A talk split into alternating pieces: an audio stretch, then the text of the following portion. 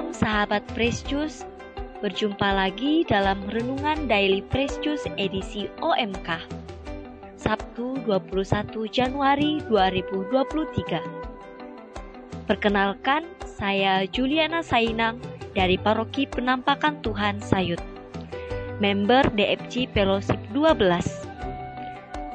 Renungan hari ini akan dibawakan oleh Kak Anastasia Sonia dari Jakarta yang juga merupakan member DFG Fellowship 12.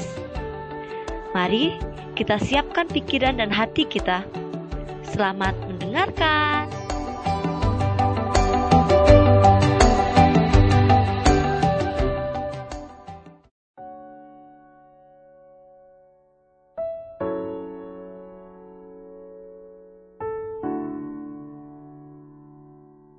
Halo sahabat Fresh Juice di mana pun berada, semoga semua dalam keadaan sehat dan baik adanya.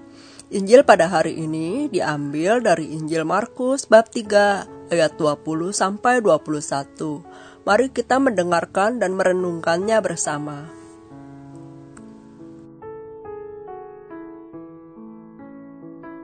Sekali peristiwa, Yesus bersama murid-muridnya masuk ke sebuah rumah maka datanglah orang banyak berkerumun pula, sehingga makan pun mereka tidak dapat.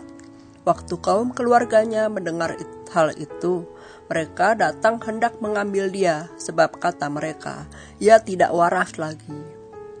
Demikianlah Injil Tuhan, terpujilah Kristus.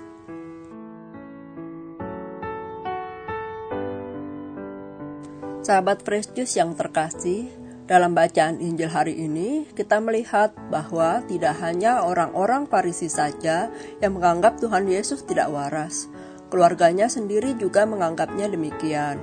Tapi bedanya, orang Farisi menganggap Yesus tidak waras karena mereka menilai ia tidak patuh dengan tradisi dan melanggar hukum Taurat. Sedangkan keluarganya lebih karena rasa khawatir, bukan khawatir dengan Yesus yang tidak sempat makan, tapi lebih utama lagi, mereka tidak ingin jika hanya karena pelayanan Yesus, keluarganya sampai ikut kena getahnya, yaitu ikut dimusuhi orang-orang. Contohnya, saat Yesus berkhotbah di sinagoga kampung halamannya, masyarakat setempat menolaknya dengan alasan mereka mengenal keluarga Yesus. Rasul Petrus juga memiliki kekhawatiran yang sama yaitu ketika Tuhan Yesus menceritakan tentang bagaimana dia harus menderita di Yerusalem dengan ditolak oleh tua-tua dan disalibkan. Petrus berkata, kiranya Allah menjauhkan penderitaan salib itu dari Yesus, karena ia mengkhawatirkan keselamatan Yesus dan para murid.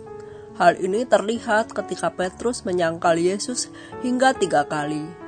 Namun, Yesus merespon bahwa Petrus hanya memikirkan apa yang dipikirkan manusia, bukan apa yang dipikirkan oleh Allah. Hal serupa dialami oleh orang kudus yang kita peringati hari ini, yaitu Santa Agnes dari Roma. Saat Santa Agnes dijatuhi hukuman mati, banyak orang yang bersedih dan mengasihaninya, memohon kepadanya untuk tetap mempertahankan nyawanya. Termasuk algojonya pun melakukan segala cara untuk membujuk Agnes. Namun ia tetap pada pendiriannya dan berkata, Aku tidak akan mengkhianati mempelaiku dengan menuruti keinginan kalian. Ia telah memiliku dan aku adalah miliknya. Akhirnya, Santa Agnes menerima mahkota kemartiran dengan tetap mempertahankan kemurniannya. Mengkhawatirkan orang-orang yang kita kasihi adalah sesuatu yang wajar, namun, jangan sampai kekhawatiran kita menjadi batu sandungan bagi seseorang untuk menyatakan kasihnya kepada Allah. Setiap orang mempunyai caranya masing-masing untuk mengungkapkan kasih sayang, baik dalam mencintai Allah maupun mencintai sesamanya. Istilah kerennya, setiap orang mempunyai love language-nya masing-masing. Misalnya saat kita melihat seseorang memberikan gifts atau hadiah kepada Tuhan dengan berpuasa, meski bukan pada hari-hari pantang atau puasa yang biasanya. Kita jangan mengajaknya untuk batal berpuasa dengan dali mengkhawatirkan kesehatannya atau mengatakan puasa itu bisa dilakukan lain kali. Atau ketika seseorang melakukan acts of service dengan melayani di bakti sosial, dan ketika seseorang ingin melakukan quality time dengan adorasi berjam-jam untuk menemani Tuhan, jangan memintanya berhenti karena menganggap ia tidak akan punya waktu luang untuk teman dan keluarga atau ketika seseorang menjadi satu-satunya yang memakai mantila saat misa di gereja, jangan memintanya melepas mantila dengan berdalih orang-orang akan menganggapnya aneh.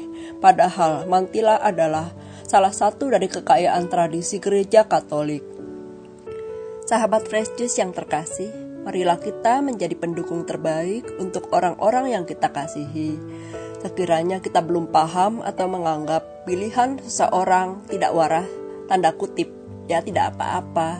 Boleh saja kita menasehati karena memberikan nasihat juga diperlukan dalam kasih persaudaraan. Hanya saja kita tidak perlu memaksa karena Tuhan juga tidak pernah memaksa kita. Jika seseorang memutuskan untuk melakukan sesuatu, ia juga harus sadar dan bertanggung jawab atas pilihan yang ia buat. Tapi bila kita menjadi seseorang yang dipojokkan karena dianggap mengasihi secara berlebihan, khususnya dalam hal melayani dan mengasihi Tuhan, tentunya kita membutuhkan hati dan mental yang kuat, serta pengharapan bahwa apa yang kita lakukan bukanlah sesuatu yang sia-sia, namun semata-mata untuk menyenangkan Dia yang mengasihi kita. Kita memberikan yang terbaik karena Tuhan lebih dulu memberikan yang terbaik bagi kita. Demikian renungan kita pada hari ini. Selamat berakhir pekan bersama orang-orang terkasih. Tuhan memberkati kita semua. Amin.